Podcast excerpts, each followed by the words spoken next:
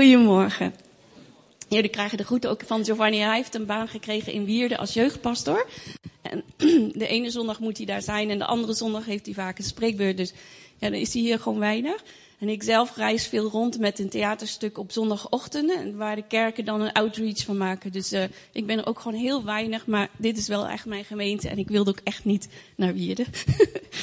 en uh, ik wil je vragen of je eerst uh, plaatje wil laten zien. Even, um, mag een geluidsvrouw, mag ik eventjes hier een uh, standaardje voor jou? nou, goedemorgen allemaal. En uh, ik wilde eerst beginnen met een getuigenis van mijzelf te vertellen. En daarna wilde ik eigenlijk jullie wat delen. En um, in het hele verhaal komen heel veel concepten van Jezus voor.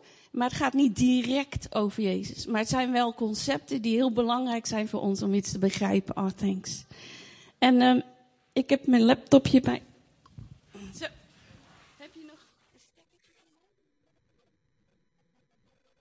De accu is leeg. Nou, ik kom uh, niet uit deze contraien, maar uit Brabant, uit het zuiden van Nederland. En ik ben niet christelijk opgevoed, ook al waren uh, mijn familie katholiek en, en de hele omgeving, heb ik dat nooit echt meegekregen. En ik groeide op in een gezin waar heel uh, veel uh, dysfunctie was. Eigenlijk was er heel veel geweld in ons gezin. En we waren allemaal erg bang. Bang voor klappen, bang voor ruzie. En uh, ieder van ons moest een eigen manier vinden om te overleven. En ik weet nog wel dat ik dacht van, toen ik elf of nee, iets ouder was, ik denk veertien, dacht ik van, oké, ik was altijd heel daadkrachtig. Ik ga iets doen. En ik dacht, of, of ik breng mezelf om of ik breng mijn vader om. En ik had er echt zo'n uh, beeld bij dat ik dacht, dan zijn we allemaal beter af. Even, ja, thanks. En dus het is heel heftig voor een tiener om daarmee rond te lopen. Hè? En uh, op een gegeven moment in onze, in onze gezinscultuur uh, van, van leed en eenzaamheid en iedereen op zijn eigen kamer. Ouders waren heel rijk, een enorm groot huis. Gebeurde iets heel bijzonders. Want mijn broer kwam thuis en hij had over Jezus gehoord. En er was gewoon tot geloof gekomen door iemand op straat, zoals Edward, die de moed had om ergens bovenop te klimmen en te zeggen wie Jezus is voor mensen. En deze man had een hart voor jongeren. En bosjes tieners kwamen tot geloof. En hij coachte die jongens. En mijn broer die was gedoopt in de geest. En op het moment dat hij gedoopt was in de geest, kon hij het niet meer voor zich houden. En ontplofte hij gewoon in ons gezin. En ik weet nog wel dat het was alsof er een hele grote lamp aanging. Iedereen van ons kon er niet tegen. En we hadden echt zoiets, waar komt dat vandaan? En dat is net als Mozes die van de berg afkomt en dat het volk zegt, Mozes, this is too much, wil je een doekje over je hoofd doen? We konden gewoon het licht en de liefde van God niet aan. En mijn broer, die, die was zo'n lieve jongen geworden. En uh, hij ging heel veel mijn moeder dienen, de boodschap voor haar doen, naar haar luisteren. Hij ging heel veel wandelen met mij s'avonds, dat ik mijn ei kwijt kon, omdat er zoveel haat zat. En, uh, en dan, hij heeft me letterlijk het leven gered daarin. Maar ook voor anderen. Echt, ik zag hem gewoon zoeken van, wat kan ik doen? En hij begon gewoon de liefde uit te delen. En uh, heel vaak hoorde ik ook dat het bij ons uh, ruzie was thuis. Dan beneden kon je gewoon horen dat er met iets gesmeten werd. En we waren heel bang boven. En dat uh, mijn broer naar beneden ging. En dan hoorde je nog meer commotie. En, en wat ik gewoon wist, is dat hij ertussen sprong. Een jongen van nog geen 17, die had besloten, ik wil in mijn ge gezin uh, Gods cultuur. Ik wil ons gezin niet kapot laten gaan. Thanks. En uh, uh, ik herinner me dat hij dan naar boven rende. Weet je wel, in trauma's heb je soms geluiden zijn erger dan het echt zien, hè? Ze rennen naar boven en ik hoorde dan zo boom zijn bed tegen de verwarming schieten. Omdat hij op zijn knieën vloog tegen zijn bed aan en hij zei, Jezus, kom in ons gezin, want we gaan kapot. En we gingen ook echt kapot. En ik zo dankbaar. Sorry, mijn broer leeft niet meer. Dat is zo'n mooi voorbeeld voor mij geweest. Dat hij, dat hij gewoon zijn, zijn tienerleeftijd niet heeft gedacht, zoek het maar uit. Maar ga voor mijn gezin. Ga voor mijn zusje. Ik was maar één, enige zus met vier broers. En, uh, en uh, hij werd heel erg tegengewerkt. Mijn vader zorgde dat hij niet naar de kerk kon. Hij kreeg op zijn donder, er werd zelfs een bisschop bijgeroepen om hem met de mond te snoeren. En mijn vader had in het verzet gezeten. En hij had nog een pistool in huis. Dus hij was echt bang. Hij werd echt bedreigd. En ik weet nog wel dat hij een keertje vertelde dat hij door de dakgoot moest kruipen om naar de kerk te gaan. Dus als er dan mensen vragen in de kerk, hoe ben je hier gekomen? door de dakgoot, weet je. Maar dat is dan een grapje. En uh, ik was zo, zo geraakt. En ieder van ons en allemaal mensen om, om hem heen kwamen tot geloof. Dus mijn andere broer, mijn moeder, uh, tante, oom, neef, nicht, uh, lifters die die meenam. En uh, nonnen in het klooster. Dat is een beetje gek om te zeggen, maar die gingen echt weer een gebedsgroep starten rond hem. Heel, heel, heel mooi. En uh, ik zag gewoon in hem een andere cultuur. En ik keek naar hem en ik dacht, wat jij eh, wil ik ook. Maar hij had gezegd, God is een vader, dan hoef ik hem niet. Dus ik had heel bewust mijn hart dicht gedaan. En na twee jaar spartelen en tegenstribbelen zei hij, Kar, het is tijd. Het is tijd. En ik ging naar een theaterstuk en daar had ik in één keer een openbaring van God. En uh, ik heb mijn hart aan de Heer gegeven, zoals hij zegt, hoe simpel het was. Ik heb hem gebeld, zeg, Theo ben ik, Theo heet hij, Theo ben ik niks overgeslagen. Uh, ben ik nou christen? En ja, zei hij, ja, hij is zo huilen. En uh, ik dacht, nou, dan ga ik nu meteen in, dat, in, dat, uh, in die oude voetsporen. Maar ik zat zo vol haat. Ik haatte mijn vader. En ik heb echt moeten leren om de verwonding los te laten en vergeven. Ik heb echt heel veel vaak gezegd, ik vergeef mijn vader. En nog een keer, nog een En ik heb mijn vader echt kunnen vergeven. Ja, ik dank God. En dus ik, ik kwam ineens in een, waarvan ik dacht, en nu ga ik gewoon achter mijn broer. Want wat hij wil, dat wil ik ook. En um, ik kwam in een kerk en er werden allemaal dingen aan mij verteld. En ik snapte er niet zo heel veel van. En mensen zeiden, het oude is voorbij en het nieuwe is gekomen. En ik was diep ongelukkig, want het oude was niet voorbij en het nieuwe was ook niet gekomen. En um, in feite had ik een heel, heel uh, onevenwichtig beeld van christen zijn. En, en eerlijk gezegd werd het me ook niet heel erg goed uitgelegd in die periode. Oké. Dus ik miste eigenlijk een, een, een besef van wie ben ik nou ten opzichte van God en hoe, hoe zit dat in het leven en heel stiekem hoe kan ik worden als mijn broer. En uh, eigenlijk kreeg ik zo'n eenzijdig beeld, weet je, van God is een soort tovenaar en die geeft dan van alles. En ook als mensen dan baden, ging ik echt zo staan nou, kom maar. En dan denken wij van God, die gaat mij blasten, weet je wel. Dus ik had een heel magisch idee van God. En daarnaast leerde ik over christelijk gedrag.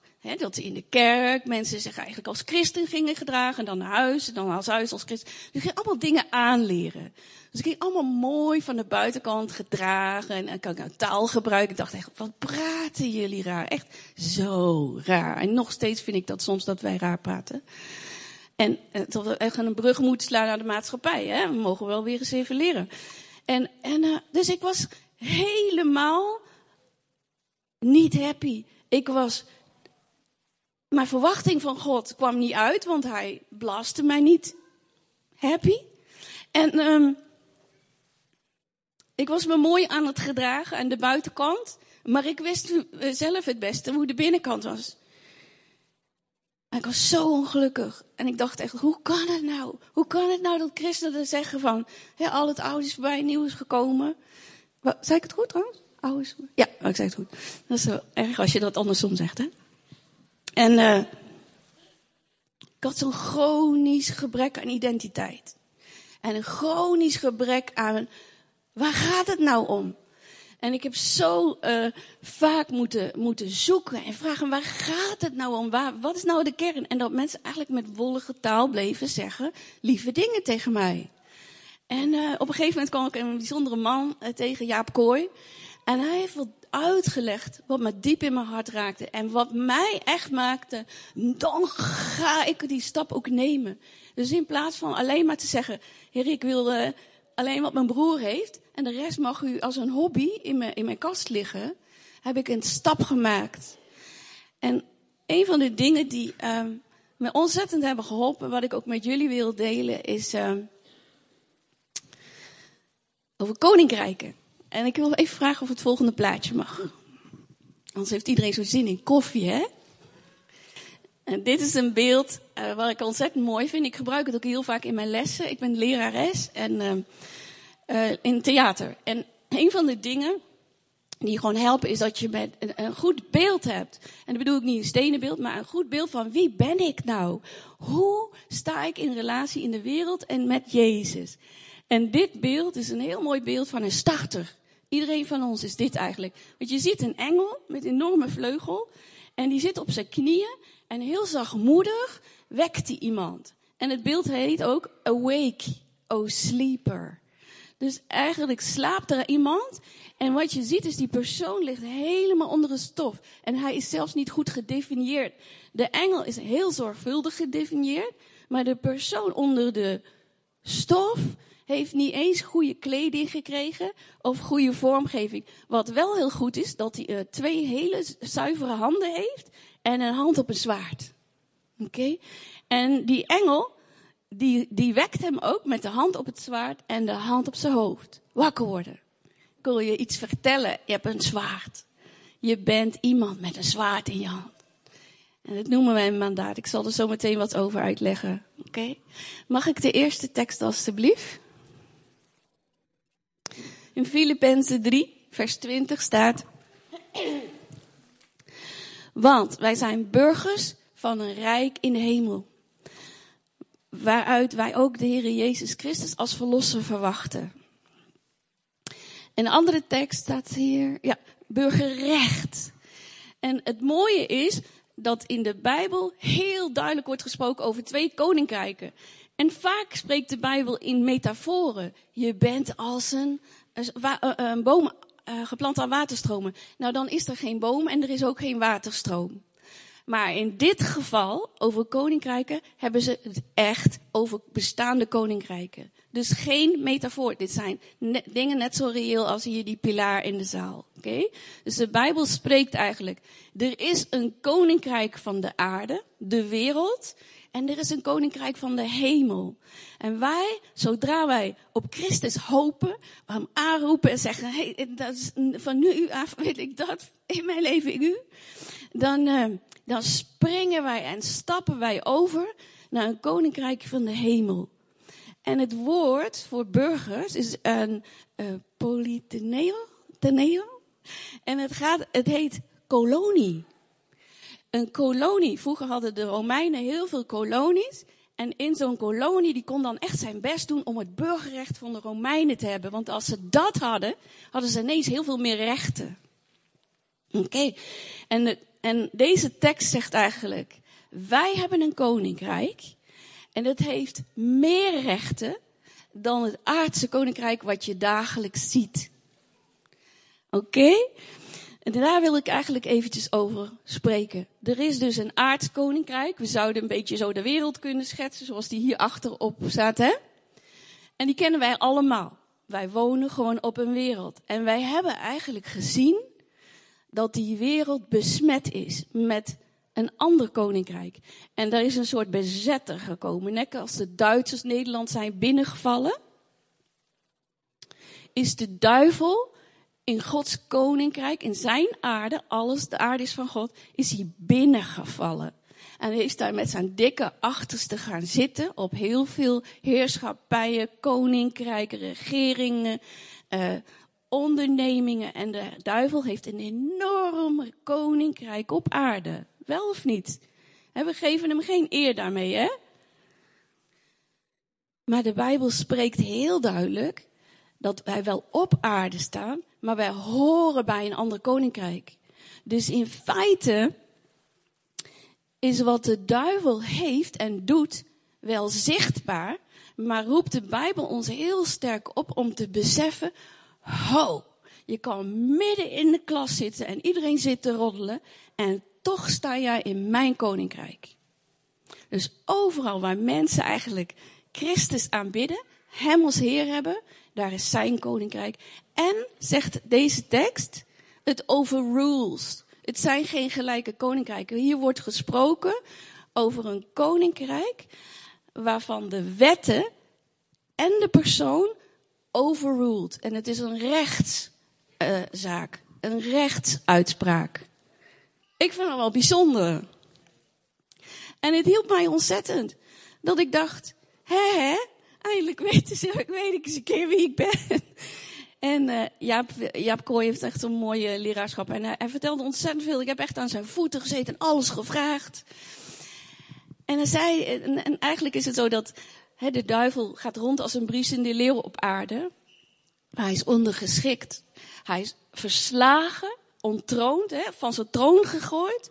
Dat is ook weer een, een, een woord uit de Romeinse tijd. De duivel is verslagen, ontroond, in zijn hemd gezet. Eigenlijk niet eens hemd, in zijn blote achterste werden, werden um, heersers achter een kar aangevoerd om te zien, nou dit is hij nou waar jullie zo bang voor waren. Datzelfde woord wordt gebruikt voor de duivel.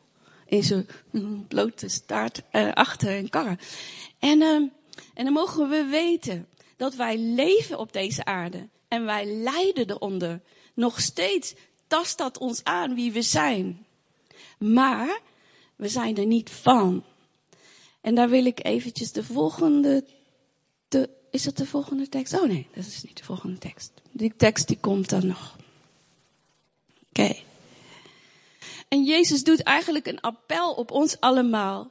Om duidelijk te hebben, welk koninkrijk hoor je bij? Welk koninkrijk leef je na? Waar sta je in? En hij doet eigenlijk een appel op ons, om je wandelt wel op aarde, maar wat voert bij jou nou de boventuin? Neem je het mee?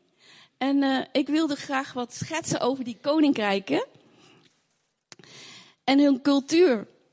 Ik ben opgegroeid in een hele, hele pijnlijke cultuur. Alles was daar, als je niet opkeek, kon je een klap krijgen of alles wat gezegd werd, weet je wel. En het wonderlijke is, mijn vader is tot geloof gekomen. En uh, eerst, eerst heb ik heel vaak uitgesproken, ik vergeef hem, ik vergeef hem. Maar mijn hart deed niet mee, tot mijn hart een keer meedeed. En ik was naar hem aan het kijken en toen was hij al echt heel oud. En we hebben gewoon bijna geen contact gehad. Zo moeilijk. Hij wees het geloof zo af en ons als persoon. En lelijke dingen zeggen tegen Giovanni en zo. Weet je. Dus elke keer moest ik mijn hart weer opwekken om lief te hebben. En op een gegeven moment was ik naar hem kijken en toen werd hij naar het ziekenhuis gebracht. En er stond een auto op de inrit. En ik was zo een beetje lauw aan het zwaaien naar hem. Nou, doe je dan. En, uh, en ik ervaarde echt, want ik heb veel voor hem gebeden, wat kan ik nou doen? Maar ik heb geen ingang gekregen. En uh, ik heb, stond daar zo te kijken en het was net of God zei, nu! ik moet er nog om lachen. En ik ren zo die oprit af van, van, bij ons huis en naar een auto. En ik zei, heer, wat nu, wat nu, wat nu? en het was net op God zei, dat hoorde ik helemaal niet. You're on your own. Je mag hem echt zelf bedenken. Dus ik trek die autodeur open, kijk zo mijn vader aan. En hij kijkt mij aan. en, uh, en ik zei zo, pa, pap, wilt u een huk? Ik dacht, oh, dat vraag je toch niet? Weet je, dat wil die man toch niet? Hij me al 30 jaar afgewezen. Dan ga ik toch niet vragen of hij een huk wil, weet je Hij zat zo in de auto, weg naar het ziekenhuis. En hij zei... Hij kon het niet eens zeggen. Dus ik kreeg echt zo'n liefde van God. En ik pak die man vast.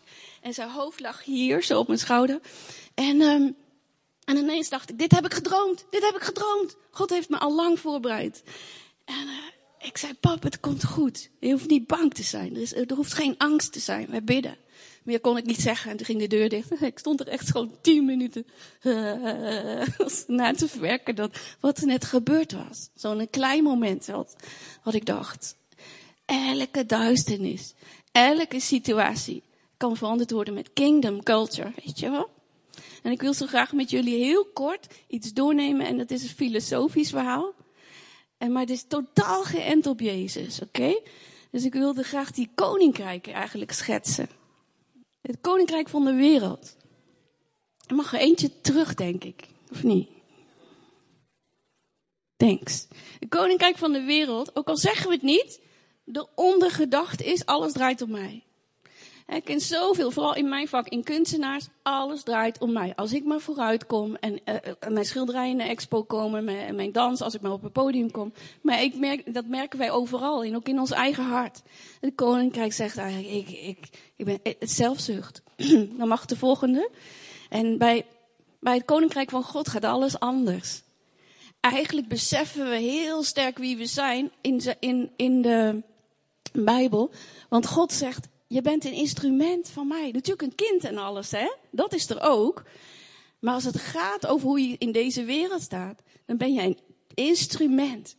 God kan je zomaar gebruiken. En het gaat eigenlijk niet om jou. Het gaat om een groter geheel. De volgende alsjeblieft.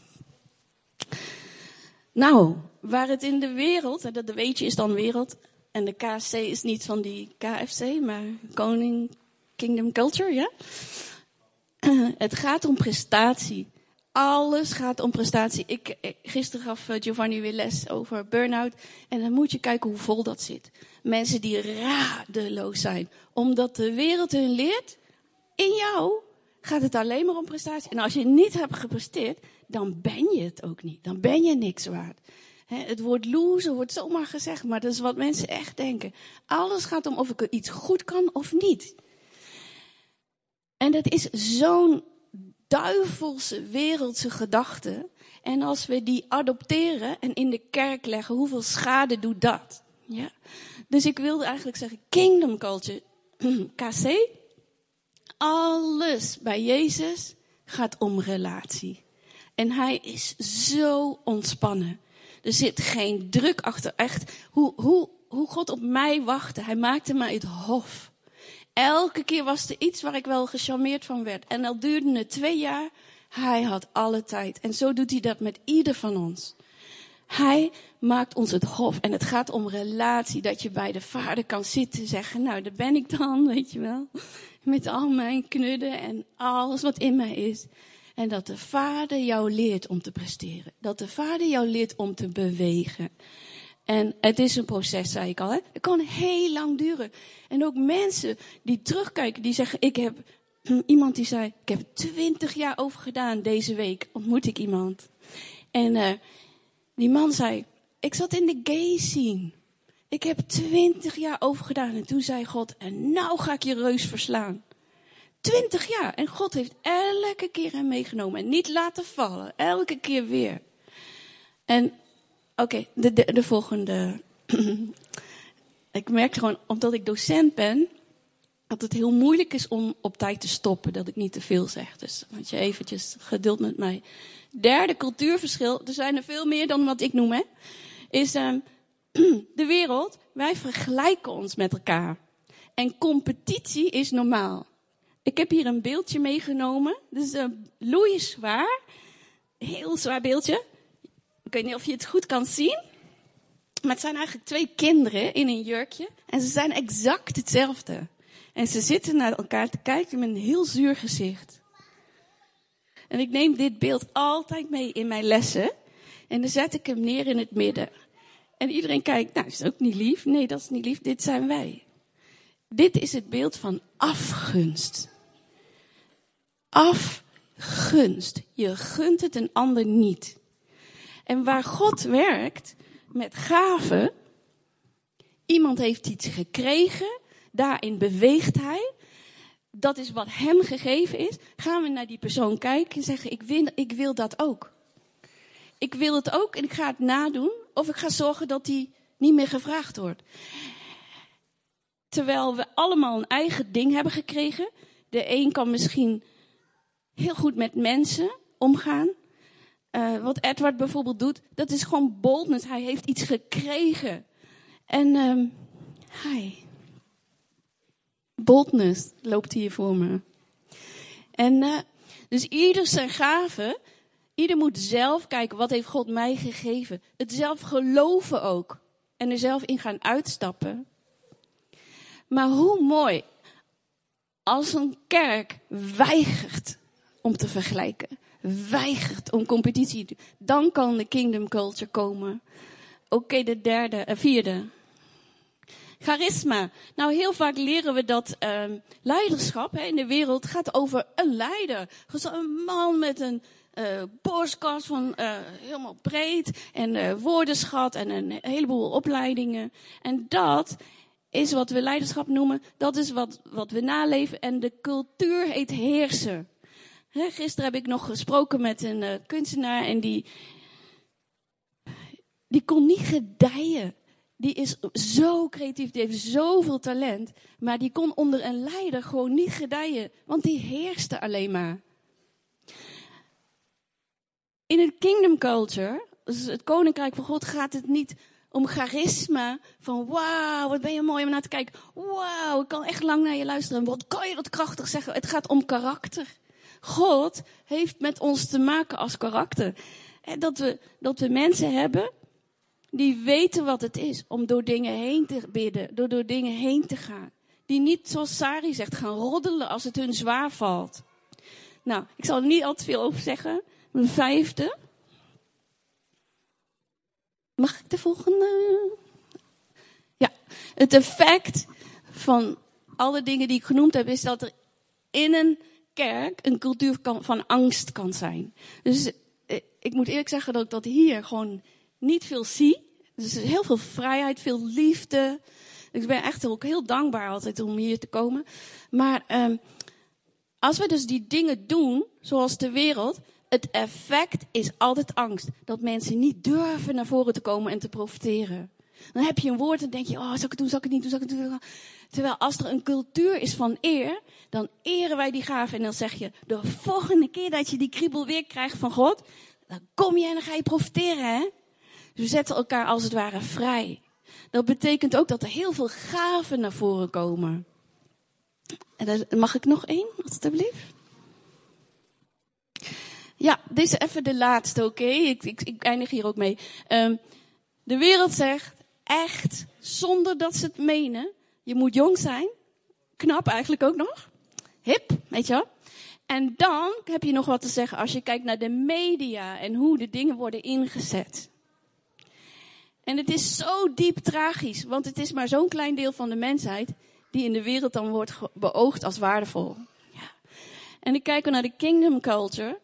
Ouderen worden geëerd. Ze behoren ook wijs te zijn. De Bijbel zegt ook na zoveel jaar word je geacht, ook om dingen te weten, dingen doorleefd te hebben. Alle generaties werken samen. Dus zo'n kleine snotbel die hier net rondliep, die is net zo belangrijk. Dus er is geen onderscheid in ras, afkomst, oh, dat is een mooi woord, afkomst en uiterlijk. Alle generaties werken samen en zijn nuttig. Oké, thanks. Je mag gewoon even de volgende doen.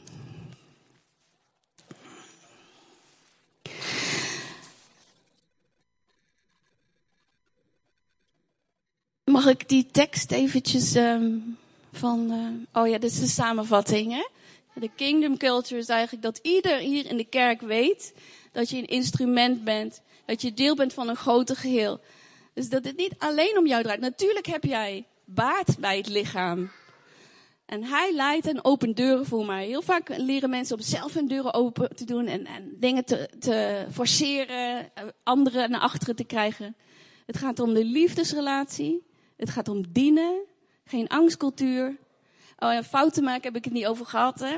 Het, in, het, in het Joods christelijk denk is fouten maken essentieel. Is de kans om samen te gaan eten. Lekker praten. Oké, volgende alsjeblieft. Mandaat, ja. Ik uh, lees jullie even voor wat een mandaat eigenlijk is. Is een opdracht van bevoegdheid voor een onderdaan. Dus ieder van ons is eigenlijk ah, bij keuze een onderdaan. En we zijn een onderdaan van een, onderdaan van een gezagspersoon om in zijn naam zaken af te handelen in een gebied. Het past precies bij wie wij zijn. Dus elk van jullie heeft als een soort een mandaat gekregen, een opdracht, om namens de koning zaken af te handelen in een gebied. Wat is jouw gebied?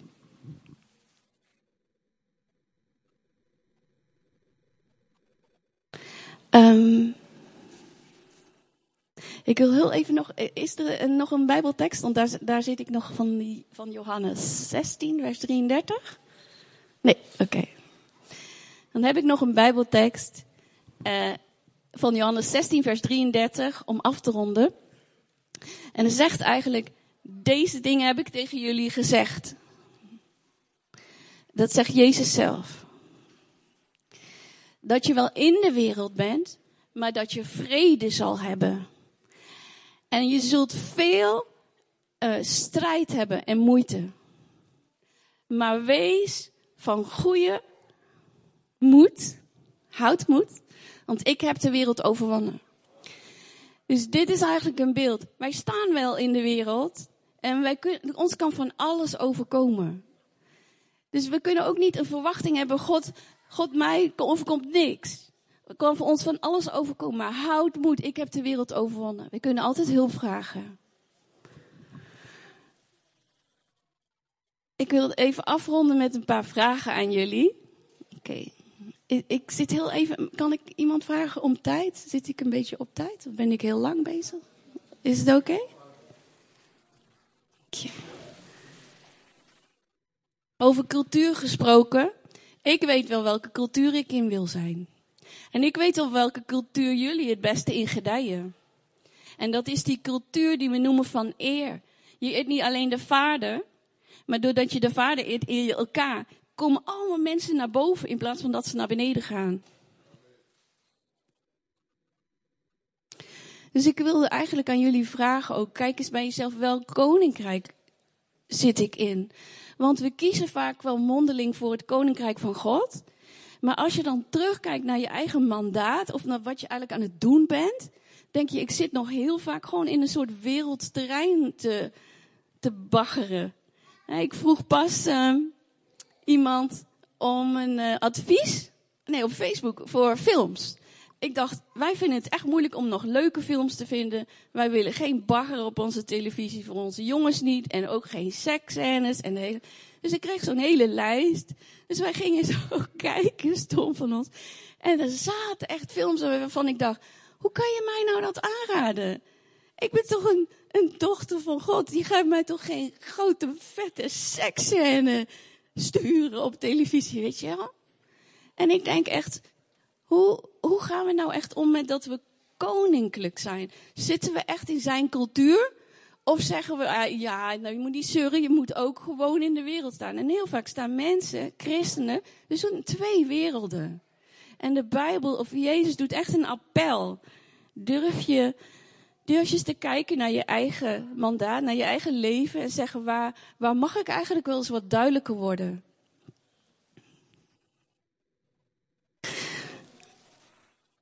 Welk koninkrijk leef jij in? En een andere vraag is ook, als wij dan van invloed willen zijn, hè? Want we zijn geroepen om een brug te slaan naar de wereld. We zijn niet geroepen als een kleine kolonie, hè? Kolonie is het juiste woord, maar niet om bang te zijn en zeggen, nou, we zijn gezellig bij elkaar. Zijn geroepen om dat te verspreiden, om een mandaat te hebben. Um, wat is je missie? Wat is jouw missie? Hebben jullie daar wel eens over nagedacht? Ik kreeg een coachgesprek één uur lang van iemand. En ik werd er echt om de oren geslagen. Wat is jouw missie? Wat wil je over vijf jaar? En dan mag je eens even heel klein bij jezelf kruipen. Zo van, uh, ja, mijn missie, mijn missie. Uh, ik heb kinderen. Nou, dat is jouw mandaat. Je gezin is je allereerste mandaat. Nee, nee, je allereerste mandaat is jouw hart, jouw leven. En je second mandaat is eigenlijk, met wie leef ik? Mijn vrienden, mijn gezin. Wat zou je daar willen in dit gezin? Mag ik jouw missie eventjes noemen? Misschien wil je wel een beter huwelijk. Misschien wil je wel meer gebedsleven meer plezier en harmonie voor je gezin, dan is dat jouw missie. En maak het je missie voor een jaar. En schrijf het op en zeg eigenlijk, Heer, ik stap in mijn mandaat. Ik doe mijn mantel aan en ik ga daarvoor. En dat is wat we eigenlijk zijn als burgers. Dat is het woord wat de Bijbel zegt over dat je burger bent van een hemels koninkrijk. Want die burgerschap had een overredende trap. Hè? Het had geen ondertrapje van, hè, heeft niks te zeggen. Snap jullie wat ik bedoel eigenlijk? Iemand? Thanks.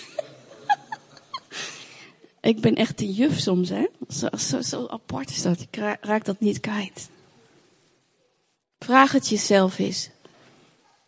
Oké, ik wil afsluiten met een beeld. En dat kreeg ik zelf. Iemand gaf dat aan mij. En ik wilde gewoon jullie ook mee bemoedigen. kreeg een beeld van Jezus die in de grond aan het graven was. In, uh, in allemaal zand. In, uh, in, in een tuin. En lekker aan het spitten en het gaan. En, en ik stond erbij. Dus ik was zo aan het kijken. Nou, we zijn lekker aan het spitten hier, hè? En dat de Heer zei, ja, dat is uh, jouw fundament. Dus hij mag graven en omspitten, zo ploegen, weet je wel. Dat, nee, um, omscheppen, hè? Hoe noem je dat? Spitten, ja? Omspitten. En, uh, en hij zei zo van, dat is, uh, dat is jouw leven, dat is jouw fundament. Dus ik keek nog eens wat beter zo. En toen, toen was hij flink aan het graven. En hij, zo met zijn hand erin. En hij trok er iets uit. En hij keek zo naar, en keek hij zo naar mij. En toen zei hij, mag het weg? Heel lief. Mag het weg? En ik dacht, nou, dat kost me heel veel. Weet je wel? De, dat, kost me zoveel tijd en moeite en zeer. En daar moet ik allerlei dingen voor opgeven. Want, en Jezus vroeg alleen, mag het weg? En op een gegeven moment dacht ik, ja, ik, ik, wil, ik wil echt alles wat hij vraagt, wil ik gewoon graag doen. En, en het mocht weg. En dat was het beeld wat God mij gaf voor jullie. Er zat geen enkel oordeel in. Er zat ook geen belofte in. Als je het niet weggeeft, dan ga ik niet met je verder. Helemaal zelf mochten kiezen. En zo wil ik denk ik vanochtend ook een appel op jullie doen. God vraagt eigenlijk, wil je graag in mijn koninkrijk staan? Uh, schoon? Dat je andere been uit de wereld, uit de modder is gehaald? Wil, mag ik je helpen daarbij? Mag ik dingen aanwijzen? En hij wil ook vragen, wil je eens je gebied benoemen? Wil je gewoon eens serieus zijn en zeggen, ik heb een gebied? Sommige, de Iraniërs, die, die hebben gewoon een gebied gekregen. Dat zie je in hoe God hun leidt. En dan in de vriendenkring en onder de Iraniërs. God is bezig. Jullie krijgen een gebied. En zouden jullie misschien heel eventjes bij jezelf stil willen worden? Ik ga gewoon geen muziek doen. Doe maar gewoon even stil met jezelf. En vraag God maar. Want ik heb gewoon de Heilige Geest gevraagd om, om dat te doen. Om dat tegen jullie te zeggen. Wat is jouw gebied? En zijn er dingen waarin je duidelijk in zijn koninkrijk mag stappen?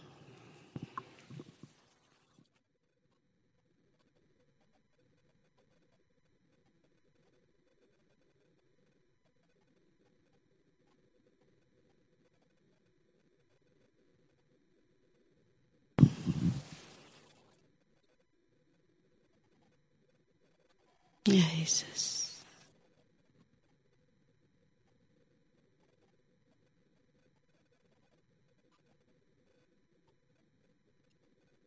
Jezus. Oké. Ik wil jullie echt aan herinneren dat het beeld wat ik deelde helemaal zonder oordeel is.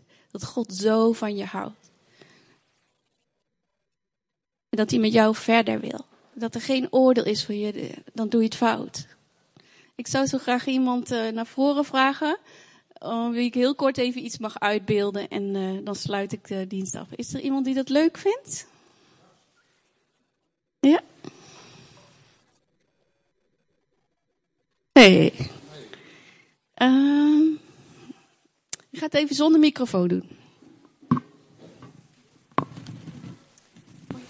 Paul. Paul, hè?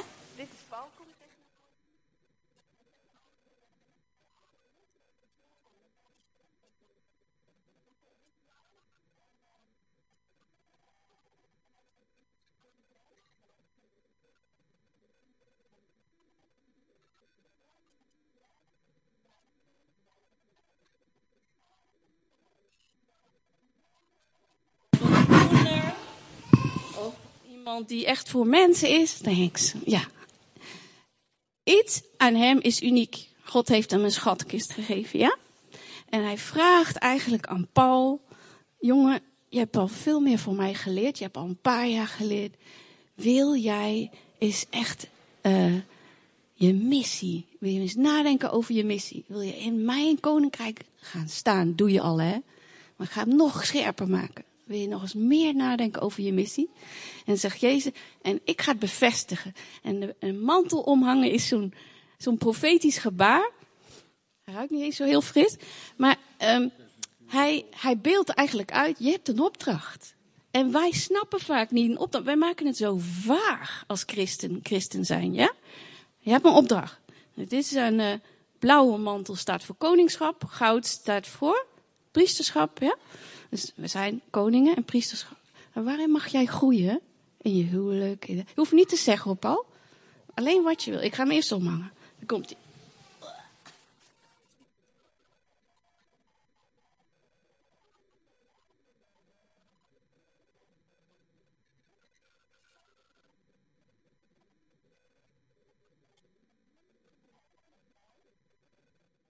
Jezus die bevestigt hem gewoon in een taak. Ik doe dat niet. Ik beeld het nu alleen maar even uit met een dramastukje. Hè?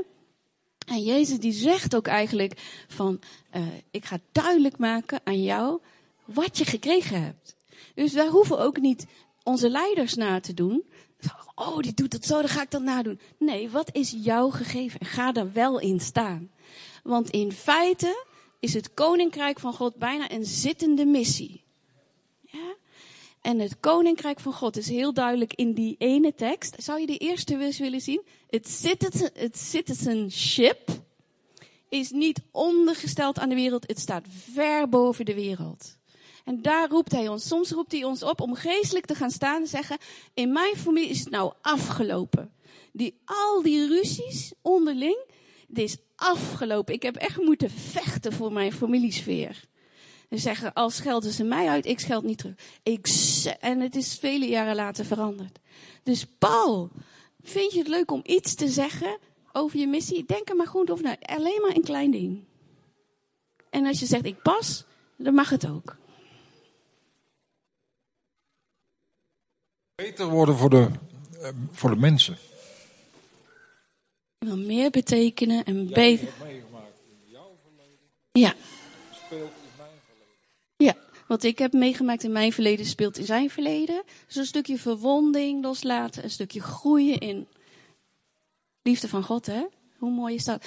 Maar we hebben ook een gemeente hier. Hebben jullie toevallig iets gezien toen ik zijn mandaat omlegde? Want wij zijn dus echt geroepen om elkaars mandaat te eren. Om te zeggen tegen Gillian, als jij zingt, eh, wat ik dus bij hem zie, zoals hij zingt, houdt hij helemaal niks in, hè? Hij gooit het achterste van zijn tong eruit. Hoe mooi is dat, hè? Maar daarmee zet je mensen vrij en mannen vrij om het ook te doen.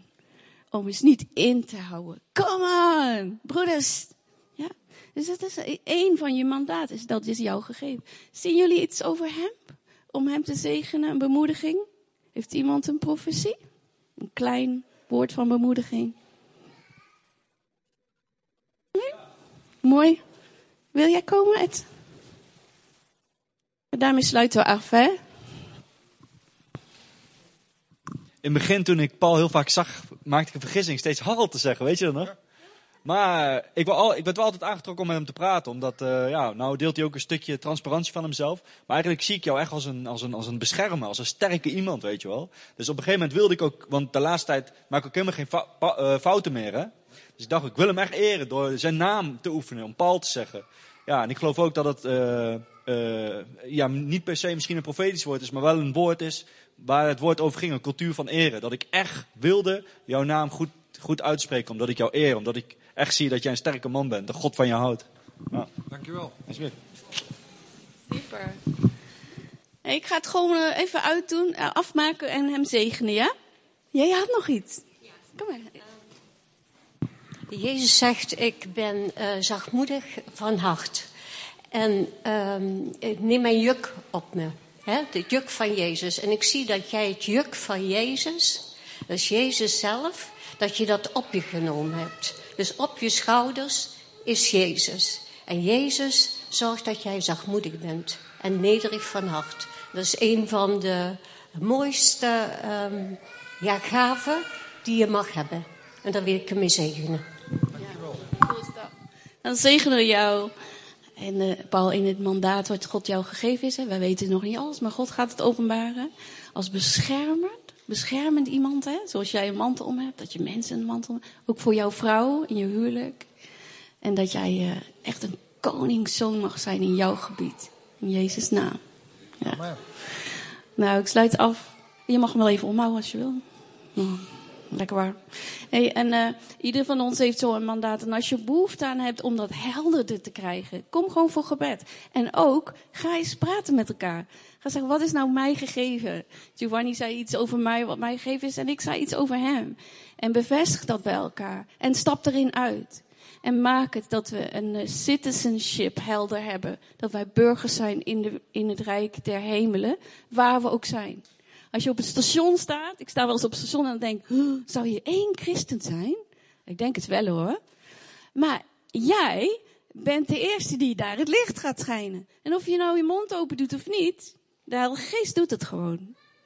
Zo, uh, ik wil jullie echt bemoedigen in je citizenship. En dat we ook elkaar bemoedigen in het citizenship. Echt benoem het als je iets moois ziet. Als je Edward ziet, dan zie je iets moois. Maar zeggen we dan ook tegen hem.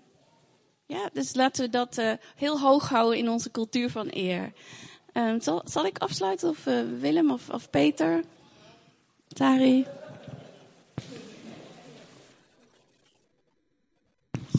Dankjewel, Carla.